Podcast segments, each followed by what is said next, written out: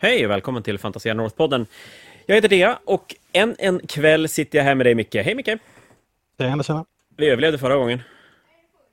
Ja, nu det ju väldigt nära in på poddande igen. Ja, det är helt galet. Men vi har ju rätt spännande nyheter. Det är ju så att om en vecka lite drygt, eller ja, men, ja, men typ en vecka, så kommer en ny Grand Tournament Nachmund någonting, någonting med tillhörande förändringar och vi ska väl göra så att vi dyker ner lite grann och petar i alla detaljer och pratar lite grann om vad vi tror om alla poängförändringar och scenarioförändringar och så vidare.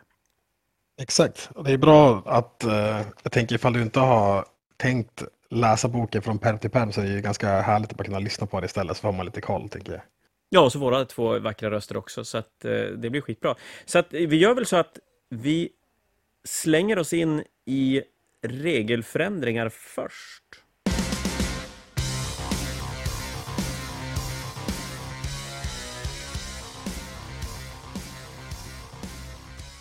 Viktigaste, största grejen som folk gnäller mest på är väl då subfaction-förändringen.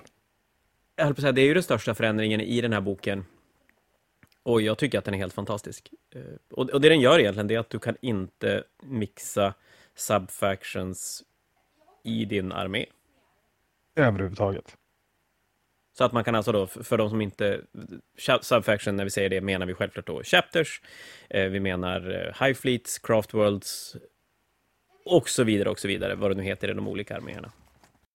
Ja, så exempelvis typ en fråga som har kommit upp det är Drukari. Du kan ha en kabal, en coven och en witchkult, men du kan inte ha flera av en sort. Ja, just det. Du kan fortfarande köra deras Real Space Raider Detachment, till exempel. Ja, du kan fortfarande köra tre patrolls med olika. För att det, de är factions i sig själva, de är inte subfactions, utan subfactionsen till dem blir ju då typ Cabal of the Black Heart, Obsidian Rose och alla de där. Och det är som subfactionsen. Låter vettigt. Och, och den här är väl lite tvåsidig, den är ju definitivt där för att ska vi tro, tona ner en del av de jobbiga sopplistorna man kan göra, infaction sopplistorna man kan göra. Men det är också en, en enorm skön förändring, tycker jag, spelmässigt, för att hålla bättre koll på motståndarens figurer och även sina egna figurer. Jag menar, som tyrannitspelare själv, så det, det, är klart att blanda Kraken och Kronos är ju jättebra. Men när man inte har målat figurerna olika, så för min del är det väl hyfsat lätt ibland att hålla koll på det, men, men för min motståndare så är det ju ett, gissar jag, en mardröm att hålla isär vad som är vad. Ja, alltså jag gillar ju att blanda och mixa ha mig, så jag tycker det känns lite jobbigt.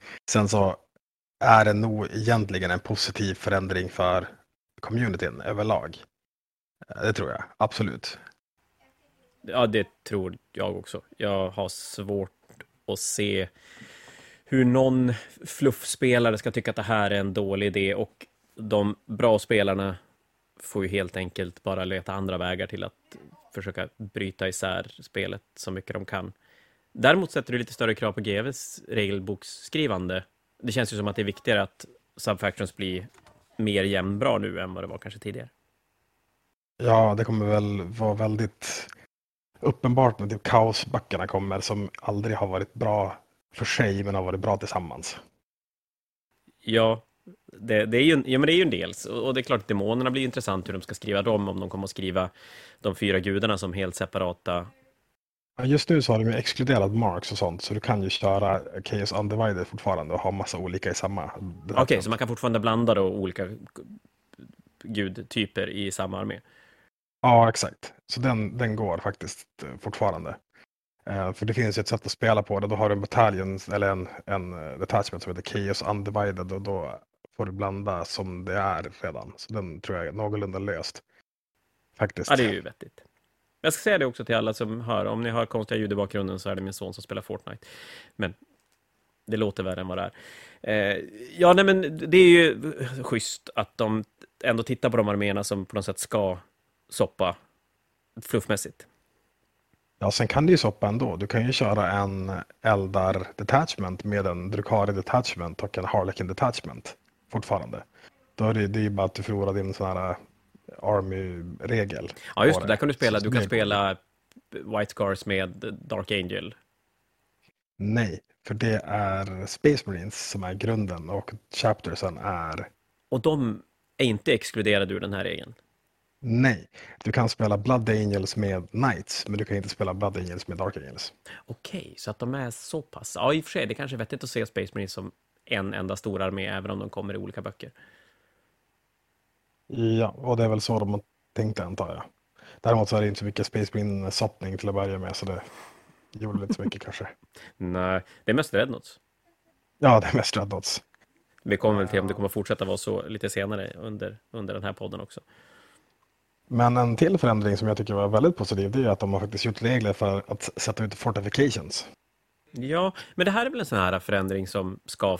Alltså, det ska ju bara finnas där, sen kanske det inte kommer att spela så himla, himla stor roll.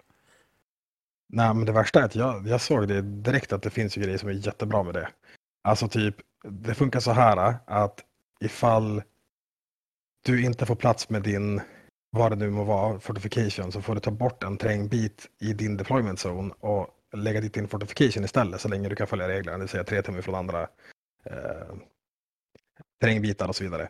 Men då tänkte jag så här, en turnering som vi spelar normalvis, då brukar man ha två stycken grejer att gömma sig bakom kanske, alltså ruiner. Och så sen en typ asdålig grej som typ en liten krater eller vad den var i din deployment zone.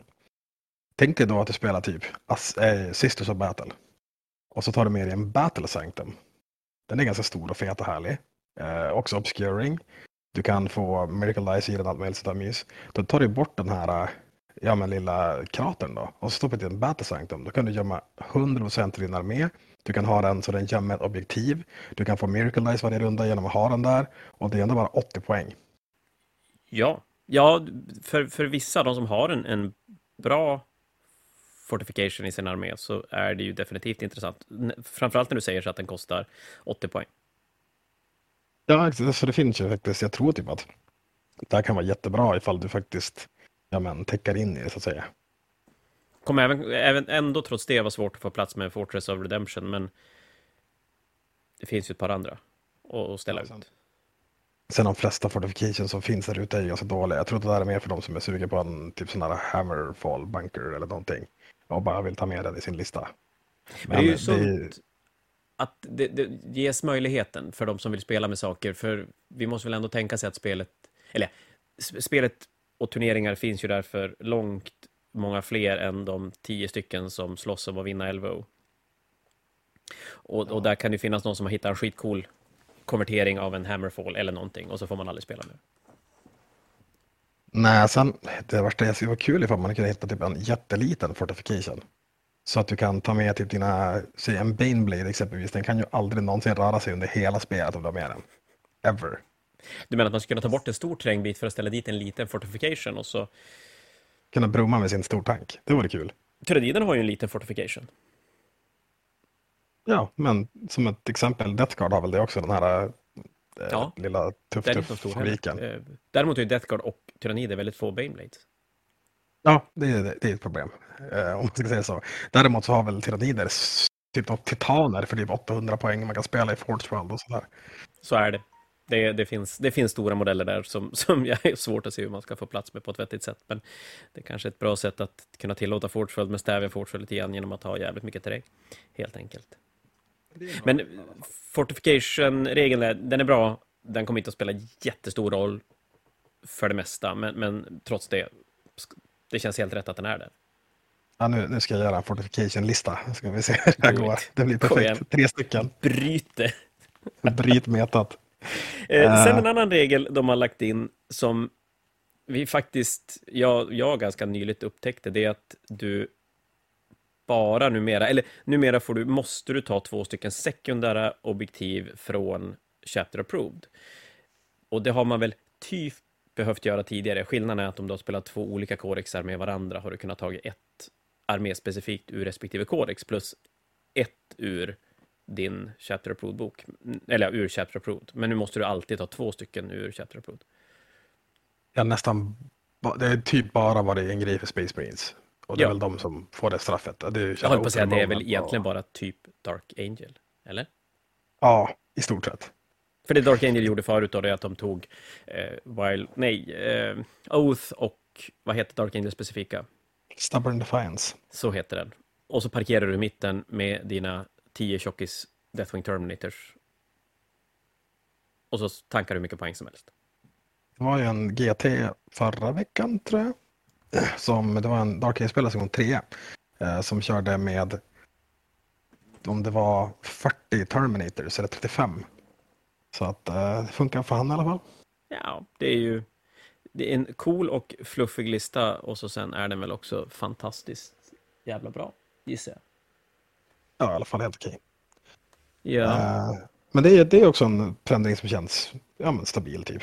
Grejen är att jag, jag åkte ju på den där, eller jag åkte på den och ta i, men på en turnering så skulle jag, jag ta två stycken i samma bok och det får man ju inte heller göra. Så då sa min motståndare till mig, men det får du absolut inte göra. Jag bara okej, okay, ja men vad bra.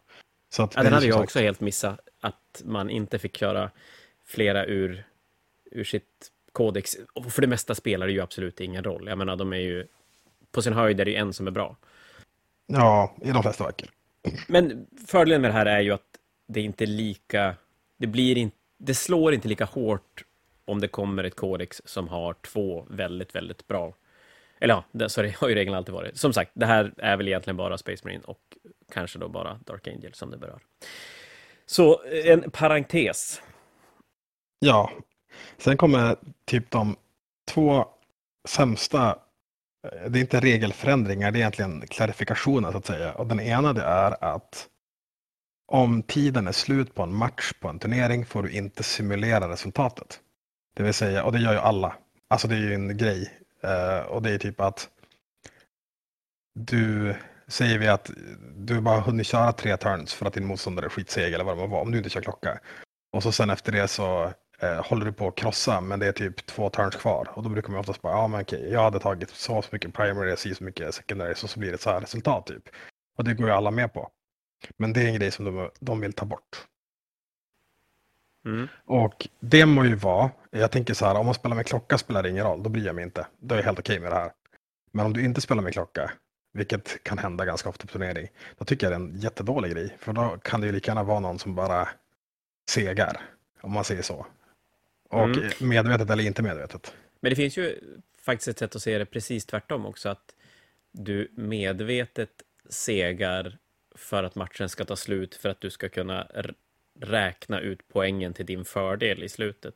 Det känns som att den här regeln, att införa den här regeln att man inte kan räkna, det, som du säger, det kommer att spela väldigt sällan någon roll och många kommer nog göra det ändå och bara inte berätta att man har gjort det, för, för det är klart som TO så kan man ju aldrig komma och säga att nej, ni räknade ut så det här gills inte. Då, då är det ju någon som ska skvallra på dem helt enkelt. Men det jag kan tänka mig där GVC problem med det här, det är när en duktig spelare, en, en väldigt duktig och välkänd spelare möter en spelare som inte är välkänd och man hamnar i ett läge där man inte hinner spela färdigt och man ska då räkna ut poängen och den där äh, spelaren som som är lite mer kändis på något sätt utnyttjar det genom att köra över sin motståndare i att jo, men det är klart det här kommer hända och det är klart det här kommer hända den, den, jag vet inte, jag, jag, har sett det hända, inte kanske när man har räknat ut poängen, men vid andra så här, regeldiskussioner och grejer, att vissa är ganska duktiga på att använda antingen att man är väldigt duktig på att argumentera eller att man har någon sorts status i communityn som gör att man kan utnyttja det när man spelar. Och, ja, jag vet inte, jag kan tycka det är ganska skönt att det aldrig behöver bli en grej. Då får man helt enkelt ta fram klockan. Jag känner snarare så här, kör jag alltid med klocka, då kommer jag aldrig bry mig om det där. Någonsin. Det är nästan där jag tycker att folk skulle hamna. Egentligen. Men då kommer vi till nästa sån där regel som är ännu sämre. Den här är riktigt, riktigt dålig. Den här är riktigt usel, ja. Det här är så jävla kast. Om en spelare ger upp mitt i matchen, vilket händer jätteofta, för du märker att du inte kommer vinna eller vad det är, och då brukar mm. man ju simulera. Då blir det så här istället. Då får den personen noll poäng, för det blir räknat som en concede. Och den andra spelaren kan, alltså ifall det är kort in i matchen, kan max få 60 poäng den matchen. Mm det är så sjukt dåligt så att är det någon som är ja, men lite sur och bråkig och typ så jag tycker inte om det eller vad den må vara så kan han bara, med upp nu, du får bara så här mycket poäng så du kan inte gå vidare typ. Det är i win-loss med battle point eh, tiebreaker är det sjukt. Alltså det är helt sjukt. I vårat system 20-0 är det lite irriterande för då blir det 19-1 vinst. Alltså när vi kör 6 eh, bracket. Eh, ja, precis. Det man skulle behöva göra där, det är ju att säga att en, en concede alltid ger en 20-0. Det skulle man ju kunna göra. Ganska ja, enkelt. Det, det, det, det, är ju bra. Men alltså säg att i nästan alla andra turneringar över hela världen så kör de ju winloss med battle point tiebreaker. Och då ja, helt helt ja, du kan ju sänka någon i, i, turneringen helt och hållet. Ja, exakt. Du bara, men jag, jag vill bara, alltså jag kommer ändå inte vinna turneringen, men jag vill verkligen att du ska vinna turneringen för jag tycker inte om dig. Eller vad det må vara. Så du bara, nej du, du kommer inte få göra det heller. Bara för att jag säger det. Så det där det är en, en grej som jag tycker Theo ska ta ställning till i alla fall. Ja, absolut. Och den här regeln, de andra reglerna, förändringarna som, som har infört i Nachmun-boken, köper jag och förstår. Den här fattar jag inte riktigt var, vart den kommer ifrån. Var, varför den ska finnas där överhuvudtaget. Nej, det är så korkat på så många sätt. Det känns som en, en dålig förståelse för spelet kanske. Och, och en, en sån där som, jag, jag vet inte, ja, nu kan ju alla Teos bara skriva över den, men, men ju, med tanke på hur GW skriver sina böcker nu så en grej, en stor grej med det är ju att du inte behöver gå in och pilla som Teo, utan man väljer scenarion och sen är det bara good to go. Eh, den här är ju någonting man då måste ta ställning till och, och kanske gå in och förändra. Varför skulle, varför skulle den som ger upp få bestämma hur mycket poäng motståndaren får? Det är ju bara Nej, konstigt. Det är så dumt så att det är, eh, det, det, det är dumt, är det. Det finns ju alltså tanken kommer ju från sportsammanhang, för där är det lite samma sak. Om du lämnar VO så förlorar du, men där har de ju satt förlusten så stor oftast att det är i stort sett orimligt att du skulle förlora så mycket om man spelade matchen. Och, men här är det ju inte så. Jag menar att förlora med 60 poäng, nog är det rimligt att förlora mer än så. Många gånger. Kan det, vara, kan det vara för att förhindra att folk har... Har det varit problem i turneringar där folk lämnar VO för att putta fram andra spelare och att det här är ett sätt att förhindra det. Men alltså, det, jag vet inte ifall det känns som att det ens borde vara en grej. Nej, jag, alltså... jag säger inte att det är vettigt att göra det, att, att man skulle behöva gå in och hindra det, men, men kan det vara varför de har skrivit in den här regeln? Men det, det slutar ju med att det kommer bli samma problem fast åt andra hållet och så måste de på något sätt justera det om ett halvår. Ja, alltså jag kan, jag kan inte tänka mig att en TO i världen kommer gå med på den här regeln. Eh, nej. Eh, men det är väl det i alla fall. Det är det sämsta med den här boken. Nej, det är så. det näst sämsta med den här boken. Okej, okay, det absolut sämsta. Inga core rules i boken. Ja, och, och den här... Jag, jag höll på att tappa hakan när jag hörde att det inte var så eh, och trodde inte det skulle vara sant tills man får se att det är så och, och det är bara så...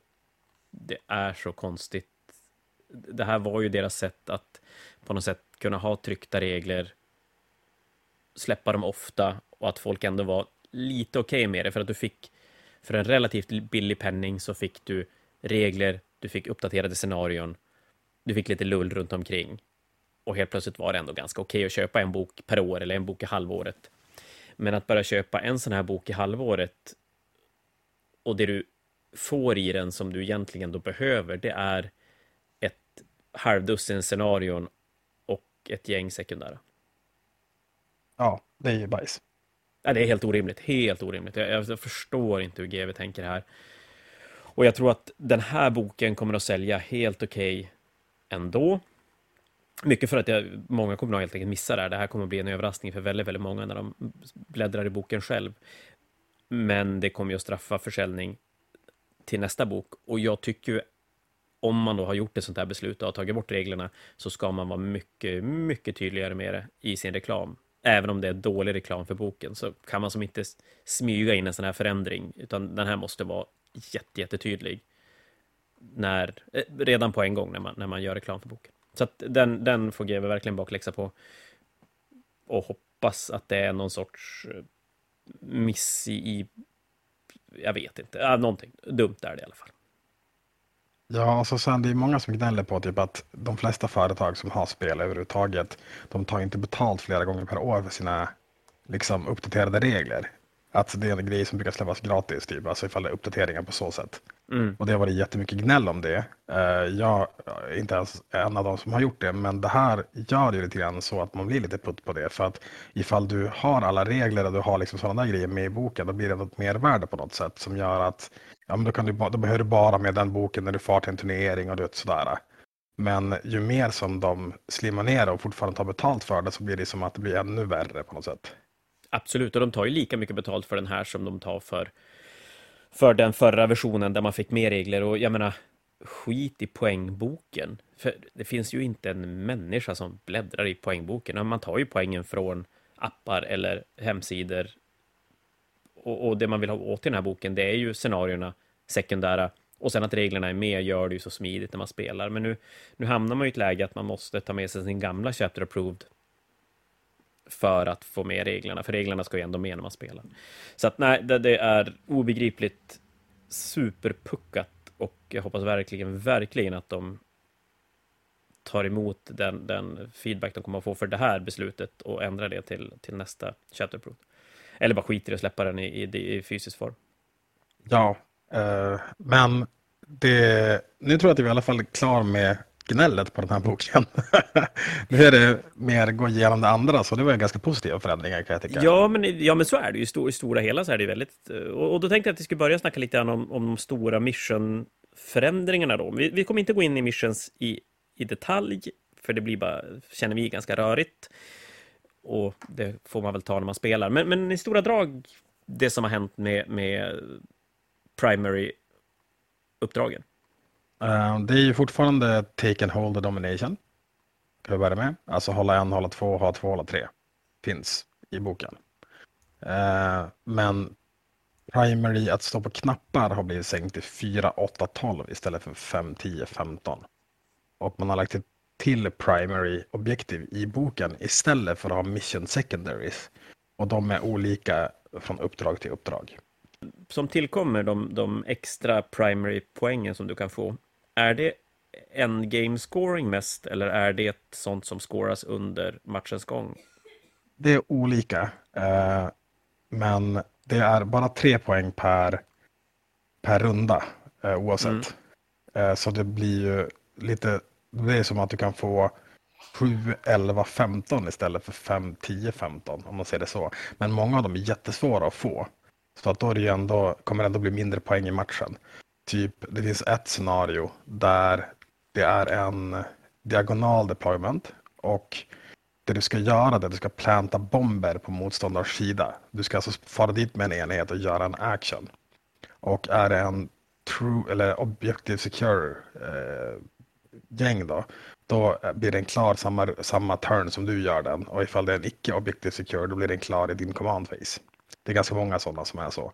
Mm. Och då är det typ att du, Eh, de får, de bomberna får bara vara visst långt ifrån varandra och du får typ en poäng per bomb du plantar. Motståndaren sen kan diffusa de här bomberna också, annars ligger de kvar på spelplanen och det är lite så smygrörigt. Men... Och så finns det typ eh, något annat mission där det är killpoints. Alltså för varje enhet du dödar upp till tre per runda så får du ett poäng. Eh, men det är ganska många sådana saker som det är. Det är, så här, det är ganska fluffigt och ganska roligt egentligen kan jag tycka. Men eh, ur ett tävlingsperspektiv så blir det lite så här smygrörigt. Ska du springa iväg och lägga ut något typ eh, låtsas tokens på hans sida som han kan springa iväg och ta ifrån dig och liksom sådär. Det är lite sådär, jag vet inte. Men det blir säkert roligt i alla fall. Jag tänker mig att det blir större skillnad mellan de olika primary objectives, för som det, eller primary scenario, scenarierna. För att som det ser ut nu när man spelar så känns det som att det är ganska liten skillnad med tanke på att man aldrig nästan spelar med eh, det, det scenariospecifika sekundära. Så, så det spelar ju nästan aldrig någon roll. Här känns det som att det kan bli ganska stor skillnad mellan, eller det blir större skillnad mellan scenarierna. Ja, och det är en till grej som de har gjort sådär. Det är mycket som är objektivet också. Typ eh, de här gamla, nu, nu har de dött om alla missionsen, men det finns eh, Vital Intelligence exempelvis, ett mission som har funnits där du har diagonal deployment, en knapp i din deployment zone, fyra i mitten som är en rad. Mm. Uh, och då uh, kan du gå ifrån objektiv och fortfarande hålla dem. Men nu har de gjort så att det är bara obsec som kan göra det. Uh, förut var det ju vad som helst, så då stod det med typ en raider som du har i. Och sen flög du iväg och chargeade en massa saker och så höll du den som ändå. Men det är bara obsec. Och det här med typ vissa actions är typ att obsec är bättre på det och sånt. Så det, det blir som en grej. Så jag tror folk, de vill att det ska vara mer troops med i spelet typ. Det lär ju förändra lite grann hur listbyggen och kanske även lite grann hur arméer placerar sig, känner jag. Ja, och det tillsammans med subfaction-grejen blir som att de, jag tror att de vill få det till att du kör en bataljon med typ sex troops och så sen att dina arméer inte är lika specialiserade som de har varit tidigare. Uh, för att mm. många arméer har blivit så, speciellt när man kör med Forgewell då, typ, då blir det att du kör sex dreadnoughts och så sen minimum av allting annat. Men att de vill att det ska vara mer, ja men sådana grejer typ. Det ska, se, det ska se ut som arméer, helt enkelt. Ja, mycket troops som liksom den biten. Det tycker jag bara är bra. Eh, det ser jag faktiskt ingenting negativt alls om. Sen, sen det är klart, det är väldigt svårt när man sitter och läser scenarierna och, och känna kanske vad som är vad som är bra och dåligt och vissa scenarier kommer säkert vara helt värdelösa. Men det är ju många scenarion så det är ju väldigt lätt att ta bort om det är ett par stycken som är, är rätt crappiga och bara skippa dem helt enkelt. Ja, men det är så här. Jag tror typ att det kan, det kan vara positivt. Det är så här de scenarion där förut, där de hade secondary buildings som var bra var de alldeles för bra och när det var dåliga var de alldeles för dåliga. Så nu blir det ändå att du måste engagera dig i det på något sätt. Uh, och det är roligare. Så är det.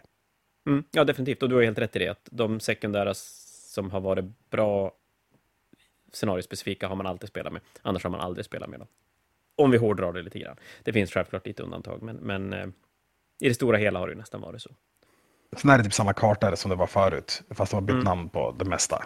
Så det är ju, och det är samma slags sätt att spela med, alltså primary-objektivet som det var förut, alltså hålla knappar. Så att det är ju ganska lätt att gå från det gamla till det här. Så det, det kommer nog gå bra tror jag för de flesta. Ja, och du lär väl inte behöva, om du fortfarande bygger din armé efter att klara sina sekundära, så det här extra primära objektivgrejen kommer ju inte att make or break din, din armé eller din spelidé, utan det, det kanske är några små tweaks som behövs för att det ska bli optimalt. Annars kan du nog bara rulla på precis som du har gjort tidigare. Ja, har motståndaren däremot täckat in i det och du inte har täckat in i det så det blir en sån grej, då kan det ju bli så typ att du inte får 20-0 vinster. Utan Nej. alltså ifall han tar fler än vad du tar, då kanske det blir, även om du krossar honom, kanske det blir en 17-3 eller en 18-2. Det är sånt gillar man ju att höra. Svårare med 20-0 vinster är ju, är ju bara positivt. Ja, och jag tror också att eh, då kanske man kan testa att köra fem poängsintervaller igen. För att det kommer vara mindre poäng ändå. Ja, ja, det är fullt rimligt att tänka sig. Och jag tycker att det är kul med lite endgame scoring också. Faktiskt. Så att man, och framförallt nu om man inte kan räkna ut slutet. Men då är det intressant, om tid, matchtiden tar slut, är matchen slut så att du får endgame scoring, eller är det inte det, så du inte får din endgame scoring? Jag tror att det är så att den är slut och du får, du får, det står så här, du får poängen som du har currently ifall matchen tar slut så, men endgame scoringen måste väl kanske, jag vet inte, men jag tycker att den borde följa med. Det borde den göra. Men du, sen har vi ju sekundära och här är det inte riktigt lika stora förändringar, men det är några som av dem vi känner igen som förändras ganska ordentligt och framförallt några av de här som spelas väldigt, väldigt mycket av som har förändrats jättemycket. Så att rent spelmässigt kommer det att vara stora förändringar, även om det inte är jättestora förändringar rent textmässigt i regelboken. Yes, ja men du, då börjar vi så här. Battlefield Supremacy, Engage on all fronts har blivit ändrad. Det är kanske den mest populära, eh, i alla fall uppe i Umeå, eh, som folk spelar från den. Och då är det så att du, får, du kan inte engagea en front med en gubbe eller två gubbar längre. Vilket kanske är ganska logiskt i slutändan. Att en snubbe ska springa där och liksom hålla ställningarna. Utan det måste vara antingen tre gubbar eller ett vehicle slash monster för att kunna få engage-poäng. Det här är en förändring som går lite hand i hand med det här att du inte får soppa subfactions, att du ska scora med dina, dina eh, inte core units, med dina troops. Det här är väl ett sätt att tvinga fram ett, ett mer sunt armébygge istället för att ha de här strömodellerna som droppar ner i backline och engage här till exempel. Ja, men det är lite så. Rest in det, det blir säkert bra, tänker jag. Uh, behind, behind Enemy Lines inte ändrad, Stranglehold inte ändrad. Uh, så det var dem. Går vi till No Mercy No Respite. No Prisoners har blivit lite ändrad. Då är det så att du får en, du räknar din tally i slutet av eh, spelet, hur många du har dödat. Och du får bonus nu. Typ du får, jag kommer inte ihåg exakt hur det om du får bonus typ en poäng ifall du har dödat 50. Ja, precis. 50 plus wounds får du en extra poäng och har du dödat 100 plus får du två extra poäng. Det känns ju ganska bra ändå. Alltså jag tänker typ att ifall jag kollar på din armé, det är en massa tyrannider, och så tänker jag, jag kan bara få 11 poäng ur den här. Eh, om jag wipar ja. dig, det kanske jag gör, men det är inte helt tusen. Men är det helt plötsligt 13 poäng, då är det ju lite intressant.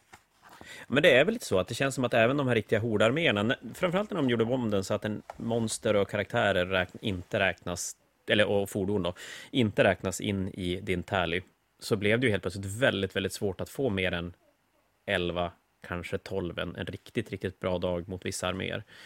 Men som du säger nu, om man kan precis komma över 100 om man, om man wipar motståndars infanterimodeller och ändå kan skåra 12 poäng på den så är det ju ändå rätt värt. Ja, det känns ju ganska bra. Det tycker jag känns som en sund förändring också. Definitivt. Uh, sen har vi Grind and Down är oförändrad, To the Last är oförändrad.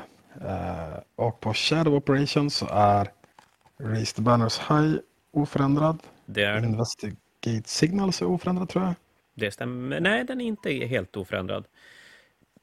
Investigate Signal är lite ändrad. Den säger att du kan börja göra din action om motståndaren har modeller inom 16 från mitten. Men du kan bara scora den om, du, om motståndaren inte har gubbar i mitten. Okej. Okay. Så att du får en chans att förstöra dem. Men du behöver även ha tre eller fler modeller i enheten som gör actionen i mitten. Så att, ja. ja, just det. Ja, det är ingen kommentar ändå, så det är lugnt. Men eh, sen har vi Retrieve Octarius Data heter nu Nackmund Data. I stil med den bok vi bläddrar i så är det då Retrieve Nachmund Data eller någonting sånt. Så men det blir väldigt svårt att förkorta den numera. RND. Ja, och fast jag, jag, tycker det är bra att de har ändrat namnet ändå på något sätt för att det känns som att folk har ju retrievat Octarius Data nu varenda match under hur lång tid som helst. Så det lär inte finnas någon data kvar alls. Ja, den är väl spelad. Det, det, kan ju inte vara många matcher där den inte har använts. I och för sig, banners har väl blivit mer och mer populär allt eftersom, men still, den är väl spelad. Och ändringen här är att du kan först och främst göra med bikers och characters och infantry models överhuvudtaget. Och fast nu istället, då rollar du en D6 och så tar du minus antal gubbar i din enhet. Så att en, förutom obsec då eh, får du ja, men, plus ett eller vad jag ska säga. Så att en, en femma obsec klarar alltid av det. Men en mm. femma icke obsec på sexa så klarar du inte av det. Och det skulle inte jag chansa på. Om jag ska vara ärlig. Alltså jag är inte designat min armé för att chansa på att inte få poäng. Det känns ganska bajs. Att, by nej, att eh. bygga, bygga ett sekundärt på, på, att man ska inte slå dåligt, nej, det är nog ingen höjdare det här gör väl att den, den kommer att se spel Ja, den kommer att se mycket mindre spel och den kommer att bli väldigt specifik i vissa typer av arméer som har möjligheten att vara fem stycken förmodligen då fem stycken truppmodeller som kan göra Bikes till exempel. Ja, fast samtidigt, jag tänker typ så här att jag har använt Scourges som Drukari för att göra den här, mm. bland annat. Och jag kan lägga in en till modell Scourge i enheten såklart. Så är det ju. De som har Scourges, kulten måste ju älska det här. Det spelar ju som ingen roll för dem. Nej, så det känns ändå som att, alltså ja, det, det blir en liten ändring, det blir det. Men det Victor. största ändringen är ju Liktor, exakt. Jo, sådana grejer. Uh, men överlag så är det som, ja, du, du kan spela runt det. Det är inget större problem. Så här, men samma sak här. Vi, vi strävar mot ett armébygge som där arméer ska se ut som arméer och inte några fordon och lite strögubbar. Nej, uh, och deploy teleport homers så kan du göra med infantry och biker. Är det inom 12 från motståndarnas deployment zone så kan du göra det. Uh, om du gör det med troop choice så slut, ja, alltså blir den färdig i slutet av din tur men är av andra så blir det i början av motstånd, eller din nästa command phase. Så det är samma skillnaden är ju där just att, att om troops gör det så blir den färdig i slutet på din tur, vilket gör att du kan racea upp till motståndarens deployment, göra actionen, scora i slutet på din tur. Ja, exakt. Och då blir det ju också att du får, och så får du två VP om du gör det i mitten på bordet så att säga, och fyra i, inom motståndarens deployment zone. Mm. Och den är så här, den är helt okej, okay, men känns lite, överlag lite sämre än eh, retrieve data tror jag för att vi säger att du har en troop. Du kan inte springa och köra en action så du kommer inte få en runda ett då oavsett. Nej. det kan ju vara så typ, att du har, så att jag skulle spela med en sex, eller typ en, en unit med uh, Windriders och jag hittar, kan flyga in bakom en trängbit och så sen göra den där men då kan motståndaren försöka avbryta den. Så det är lite så här halvknepigt. Då är det lättare att försöka få någonting som är garanterade poäng typ. Och du kan ju alltid göra en sån att du kör typ med droppande troops om du har det i din bok, typ Ginster Kult och försöka få det i motståndarens eh, sida. Men mm. det är väl typ det som gäller i sådana fall. Några av de här hamnar ju lite i det läget att de är lite för lika varandra och det blir bara en av dem som blir bättre än den andra. Men, men så kommer det nog undvikligen alltid vara med de här sekundära, om de inte drar ner på antalet och, och skippar de som är nästan likadana. Du kan ju däremot bygga en armé som är till för att göra den. Det går. Alltså säg att du kör Thousand Suns och så sen kör du Cult of Duplicity så du kan teleportera eh, fram folk, eller för den delen Grey Knights. Då kan du ju teleportera fram en femma runda ett och göra den med Troop. Och så sen efter det kan du, även in i motståndarens deployment ifall han inte screenar av ordentligt, så kan du mm. göra en sån grej. Uh, jag har spelat den och Behind Enemy Lines och som dubbelscorar med enheter. Ja, det, grejen är typ att möter du någon som är jätteduktig då och bara jobbar för att screena bort dig och liksom hela den biten, då förlorar du två secondary objectives istället för ett. Man ska inte se vad man förlorar, man ska se vad man tjänar. Okej, okay. ja, det är mycket roligare då. Glaset är halvfullt. Det är därför jag förlorar ja. hela tiden. Men då är vi färdiga med Shadow Operations. Då är det Purge the Enemy. Assassination är samma. Japp. Titan Hunter är samma. Japp. Bring it down är ändrad så att det är 10 wounds or more. Så blir det ett tre poäng istället va? Två poäng. Två poäng istället, ja. Mm. De, sänker, de sänker nivån där. Ja, exakt. Så att det, det gör så att typ att Raiders och Rhinos och alla de där grejerna är värd två igen. Det var ju så förut också. Ja, den här går väl tillbaka typ, nu ska jag inte säga att den är exakt som förut, men, men den går ju tillbaka. Nej, det var två, tre förut tror jag, så det var ännu sämre då. Ja, det var det kanske. Men eh, då blir det som att, jag ser att du kör eh, massa Raiders, då får du lite mer poäng för det. Typ. Och det är väl okej. Okay. Det var jag hört att folk gnällt på lite grann sådär att du vet för är du fluffig och du vill ta jättemånga rhinos då blir det jobbigt för dig. Men ja, det, så får det väl vara liksom. Alltså, då har du nog förlorat. Nej, jag ska inte säga att du har förlorat ändå, men du har nog tappat mycket poäng i vissa sekundära ändå, så jag tror inte det spelar så himla stor roll. Den, den här känns lite som att det, det ska gnällas för gnällandets skull. Det är väl Astra Militarum-spelare kanske framför allt som, som tycker det här är jättejobbigt när de har mycket 11 vagnar Ja, nu är det 10 vagnar också, så nu blir det även typ, jag vet inte om Cameras 10 wounds, men ja, har väl, bilarna ja, som Bebbe vill köra, vad de nu heter, uh, Taurox, Tauroxarna. Ja. ja, så de åker på den. Men ifall du vill spamma, jag tror att tanken är att de vill att du inte ska spamma massa grejer som inte är troops längre. Och spammar du saker då blir du straffad för det. Ja, typ. och tillbaka till samma här. Det ska vettiga armébyggen. Vi kanske inte ska se sju, åtta tomma raiders flyga omkring och blocka hela brädet, utan att det ska finnas en sorts tanke med att du har ett transport till ett fordon. Du har, du har en transportfordon till en enhet som faktiskt vill åka någonstans. Och inte ha en transport till en, till en enhet som står längst bak och gömmer sig och fordonet far runt och gör grejer. Så att, eh, jag tycker att det är ganska tydligt vad GW vill ha ut av hela den här första delen av Nachmund-boken. Allt från regelförändringarna till, till scenarioförändringarna. Och det, så, det känns okej, tycker jag. Alltså jag kör ju, jag har ju kört Dracari också. Jag får, mina raiders kostar, blir mer poäng liksom eh, på den. Men kör någon mindre raider då. Alltså det är ju bara att anpassa sig liksom. Ja, så är det. Uh, sen har vi Warpcraft, den minst spelade av alla secondaries. Jag vill säga. Uh, Aboard the Witchy Poppies, alltså när den går att ta. Och den är ju oförändrad.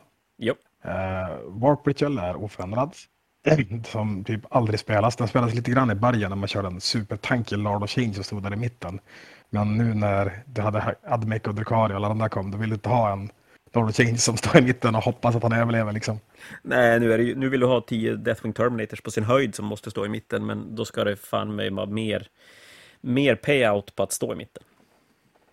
Ja, eh, då är kanske Oath bättre än Warp Ritual oavsett. Lite. Uh, Pierced Veil är oförändrad och oanvänd. Uh, Psychic Interrogation däremot har ju faktiskt fått en jättebra ändring. Det är den enda som jag har faktiskt spelat med. Ja, den har jag också spelat lite grann med, för den, den kan ju faktiskt funka, framförallt när du inte har något annat vettigt att välja. Nej, och den blir som en tvärtom abor lite grann. Ifall du har cyclist och han inte har cyclist, då kan du få poäng. Medan Ja. Border Witch är, är ju tvärtom. Och det, det kan ju funka. Jag möter man typ en, jag möter salamanders typ och så sen har de haft en cycle. Och då bara, ah, okej, ja, men då, då får din Chaplin överleva i fem runder och så ska jag plocka poäng på honom. Liksom. Mm. Men den används ganska sällan för att du vill ju använda dina powers. Du vill inte ha en gubbe som bara står och liksom har du Doom och Jinx och liksom Guide och alla de där, då vill du ju att de ska spelas. Du vill ju inte att liksom ha en action med den gubben egentligen. Enda gången jag kan tänka mig det är om du har en psyker som är där av en annan anledning och att den är en psyker är en, en, en grej bredvid som egentligen inte är meningen. Ja, alltså jag körde den så här, när man, jag körde Craftworld i en turnering och så sen hade jag en gubbe som var där för att dubbelgå Shining Spear, så det var ju typ bara relevant runda ett.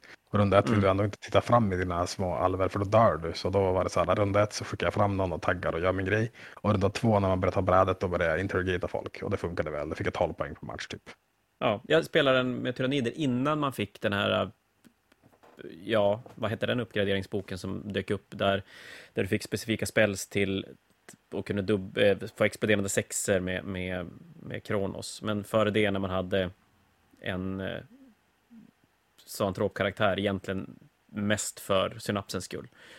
Där hade du också en sån du kunde som bara skita i kasta magi och psychic interrogata istället för att samla poäng. Men som, som vi sa, det är ju oftast när du inte hade något annat vettigt att välja. Det, det är ju verkligen en sista, sista utväg. Men jag vet inte om vi sa det, skillnaden är att du behöver inte line of sight längre. Exakt, det började ju så här, du hade 18 tum range men, och du behövde inte line of sight. Sen ändrade de till 24 tum range men du måste ha line of sight. Och nu är det 24 tum och du behöver inte line of sight. Så den bara blir bättre egentligen. Det är ju i och för sig en, en sund, sund förändring av GV att ta det lite pö om pö istället för att tokändra åt något håll, vilket de kanske oftare brukar göra. Men ja, här hade de väl kunnat ta i lite mer på en gång, kan jag känna. Men vad tror vi sekundära? Det kommer inte att förändras superduper mycket ändå. Nej, alltså jag, jag skulle vilja se det, typ psychic-grejerna skulle jag kunna känna så här att det ska, känna, det ska vara en spell. Alltså du kan kasta dina andra spells ändå, även om Ja. du kör en psychic-grej. Det hade gjort en, dem värda att spela med. Nu är de inte värda att spela med, typ. Nej, men det har du rätt i. Psychic Ritual är en för dålig grej för att den som måste göra det behövs till annat när man, när man spelar med den. Som du säger, du ska, en av dina spells hade kunnat vara en, en sekundär. Det, det hade varit sjukt mycket rimligare. Psychic Action borde typ inte finnas. Det är bara dumt. Men jag tänker då hade du kunnat köra din Farseer och så körde din guide och din eh, Doom eller vad du nu har. Och så sen betalade du ett command point för att kasta en extra spel och så bara, ja men nu kör vi en psychic. Typ. Ja. Ja, men det är, kan du kasta två spel så kan du kasta din smite och så kan du göra någonting annat action-orienterat. Men att behöva inte, att inte få göra, nej, den är dum. Dum, dum. Men vad tror vi om sekundära i i stora hela då? Jag, jag ser ju inte att det kommer att förändras super... Det känns som att primära kommer att förändra mer. Ja, nej det där. Det, det känns som att det var, det var små ändringar men det är ganska sunda ändringar typ. Det de däremot har lagt in i National-boken kan jag tycka som är bra, det är ju att de har lagt in en del faction-specifika sekundära. Det är så här, du kommer inte få en bok snart. Du borde få ett secondary, typ. Ja, lite så är det ju, även om Chaos Space Prince får en, men de borde väl inte vara så himla... Ja, för de kanske är långt borta, vi vet ju inte. Men vad har vi där då? Vi har Astra Militarum, får en som heter Ford Emperor. Kill points. Ja, Tre per runda. helt enkelt. Sjukt, sjukt tråkigt. Det är ju tydligt. Passar in i fluffdelen till Astra Militarum. Ställer sig stilla och skjuter lite mer. Ja, det är lite okej. De kommer, jag tror inte att du kommer få 15 på den någonsin. Eh, utan det Nej, men det ger du, dem en möjlighet att ha någonting som Ja, du Ja, får 10 när, poäng när kanske. grind kanske inte är en grej eller sådär, så, så kan de i alla fall döda saker. Ja, det är jävligt härligt, alltså det är jävligt lätt tagen. Du bara, ja, jag vet inte vad jag ska ta för någonting, men jag kommer ändå behöva döda saker, jag tar den. Ja. Alltså får du, får du 12 poäng så det är jättebra. Det är helt okej. Och sen har Chaos Knights fått en som heter Path of Destruction och den handlar egentligen om att de ska döda saker och så får de poäng beroende på vart de dödar dem. Ja. Den känns halv, halvers. Det är så här, eh, vart du och vart motståndaren är, det är så svårt, svårt kontrollerat ibland och det känns, nej, jag vet inte. Och när man spelar Knights är Grind them down bara bättre. Den måste ju alltid vara värd. Typ. Ja, och, och den är på samma category, Grind and Down och den där. Ja, Så ja. Ganska den, nice. den lär inte se jättemycket spel. Chaos Space Marines har fått en som heter The Long War. Och den... Egentligen det den säger att du ska döda enheter och sen ta över objektiven som de höll. Ja, det räcker med att du får ett, ett om du dödar den enhet som står på ett objektiv bara. Okej, du får ett poäng för det. Okej, så att du... Ja. Ja, och du får mer poäng om du tar objektivet av dem sen. Så att typ, den är, den är inte bra nog, alltså det är inte värt det om du bara dödar dem. Egentligen, alltså då får du inte så mycket poäng. Men ifall du typ spelar eh, World Eaters och du lubbar ut ur en Rhino och smackar någon på ett objektiv, då kan du få tre poäng istället. Det är ju ganska bra. ja, då kan det ju faktiskt hända grejer. Det är, jag tror den, den kommer nog inte se spel på grund av att se, World Eaters ser inte spel. Eller Space Marines som spelas på det viset ser inte spel. Nej, det är ju så en, en relevant poäng, är det. Eh, Chaos Demons får en som heter Malefic Terror, som vill att enheter ska fly. Eh, det, det är ju alltid lite lurigt. Då känns det som lite grann att, att spela, spela mm, nya Retrieve med tre modellers enheter och hoppas att de slår bra. Ja, men alltså det, du får ett VP ifall någon flyr. Och du får, när du dödar en enhet får du slå två D6 över deras leadership. Och du kan också få VP. Eh, men det, är- det, är- nej, det är för dåligt. Det är sjukt dåligt. Om du möter en skitkass armé med bara massa, inte vet jag, low leadership killar som springer runt och visar sig, då, ja visst, men nej. men annars inte. Eh, sen har vi Tyrannider får en som heter Synaptic Insight, som egentligen säger att du ska döda modeller med dina synapsmodeller. Så är det beroende på hur många wounds de har också. Ja, du vill döda stora saker med dem, vilket gör att den, den blir ganska konstig, för du har inte så mycket stora synaps, eller du har inte så mycket synapsmodeller som vill gå in och, och slåss jätte, jättemycket. Broodlorden med Broodlorden har försvunnit bort en hel del med, med nya synapsuppgraderingsreglerna. Eh, Swarmlorden, men den ska inte slåss i närstrid, den ska stå och slänga fram enheter. Flygande Hive Tyrant har nog kommit tillbaka lite grann, men jag kan inte se att den ska gå in och plocka någon poäng i den här, så den här känns också lite mähäg faktiskt. Nej, och kommer du plocka, du kommer inte ta det varje runda med din Hive Tyrant heller. Liksom. Du kommer Nej, döda en, är så Rhino, den dör ju. Den, den, döda en Rhino får tre poäng och sen dör han. ja, typ. Fast och för sig, nu, nya, det finns ju en supertank i Hive Tyrant som folk kör nu. Som har typ minus ett damage och minus ett hit och allt vad fan det nu är. Eller wound eller vad det nu är. Ja, absolut, Den men den dödar ju för lite. Den, Ja, så är det ju. den, den kom inte... Nej, den har jag svårt att se. Ska du så splitta din, dina Hive Guards? Jag bara, jag skjuter två skott på Rhinon där borta. Och så skjuter jag sex skott på den där Men de är enheten. inte syna... Och så- Ja, precis. För att det, och så sen springer man in med, med en Broodlord och, och knäpper Ja, sista ordet överallt. Exakt. Sjukt värt. Sjukt värt. Eh, slutligen av de arméspecifika sekundära så har vi Imperial Knights som har fått Yield No Ground. Som faktiskt är bra. Eh, du, det, det är lite så här ett flerdelad grej som är som Oath lite grann. Om du håller 50% av objektiven eller mer får du två victory points varje runda i slutet av din turn. Och det, det är ju en del av det och det är ju jättebra egentligen. För ser du, är det sex poängs eller sex knappars karta så kommer du vilja slå på tre. Är det en fem knappar kommer du vilja slå på tre också. Så att det är som, det är ju super. Uh, och så sen om du motståndaren inte har någon gubbe i din deployment zone eller väl, så får du två poäng. Du får ett poäng om du inte backar va? Ja, du får, om du Ja, inte är det. fall, fallbackar eller går bakåt. Ja, överhuvudtaget. Du måste Du gå, inte gå alltså, framåt hela tiden. Nej, exakt. Men det är så här, får du fyra poäng så är det bra nog. Alltså, Alltså, för. Knights att få ett till sekundärt som faktiskt ger dem mer än tre poäng är ju hur värt som helst. Ja, nej, jag tyckte det kändes bra. Och så känns det ganska kul för det är så här, du ska, du, fast det är lite komiskt, du ska springa framåt och boxas, men du ska ändå screena av din backfield på något sätt.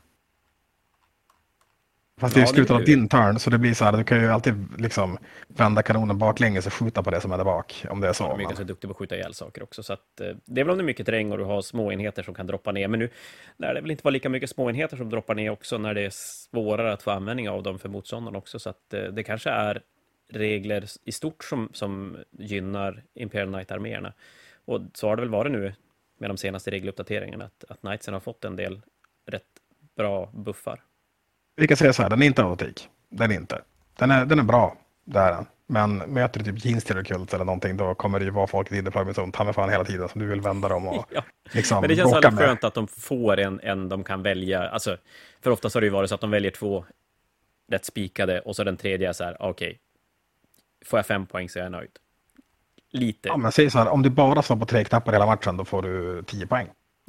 och, och det är ju bra. För Knightsen är det bra. Har du en, en runda som ingen är din, din deployment zone då får du eh, mer poäng. Däremot så du kan ju stå, du kan ju stå i din deployment zone eh, ändå eh, och få poäng fast det är motståndaren inte ska stå där. Så det går ju typ att göra någon grej med det där. Men du kan ju typ ta in assassins eller vad fan som helst och så har du lite extra kroppar då. Klockrent. Ja, vi får se. Bebbe ska säkert utnyttja det här och få det att funka helt fantastiskt. Så att vi, vi lär väl få åka på den om ett annat, om det är en grej man ska spela med.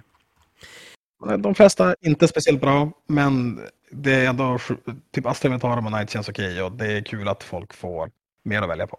Ja, och så är det ett bra tecken på att man inte kan få, man kommer inte få sin bok inom ett halvår i alla fall. Exakt, det, bara, det här är ditt tröstpris. Du kan sno objektiv av folk och få poäng för det. Ja, det är som det här Best in Faction-priset, eller sådär. Du, var- du, var, du var bäst av de som var lite sämre. Här får du ett pris, eller någonting. Det där var de grundregelförändringar som dök upp i Nachmund. Eh, överlag bra. Eh, några saker där i början som vi är lite missnöjda med, men, men eh, ja, det får väl bli som det blir. För spelets skull så kommer det för det mesta att vara bara bra grejer. Nu har vi rantat om regler i en timme. Så att jag tänker att det var allt för det här avsnittet. Men eh, direkt när jag lyssnar färdigt på det här så ska ni fortsätta höra våra supersexiga röster, för vi kommer att köra igång ett nytt avsnitt där vi ska gå igenom alla poängförändringar som är i den här boken också. Så att, eh, Micke, vi tar en liten, liten paus. Tack för alla som lyssnar och så får de sätta igång nästa avsnitt på en liten stund. Hörs på en stund. Hej då! Yes.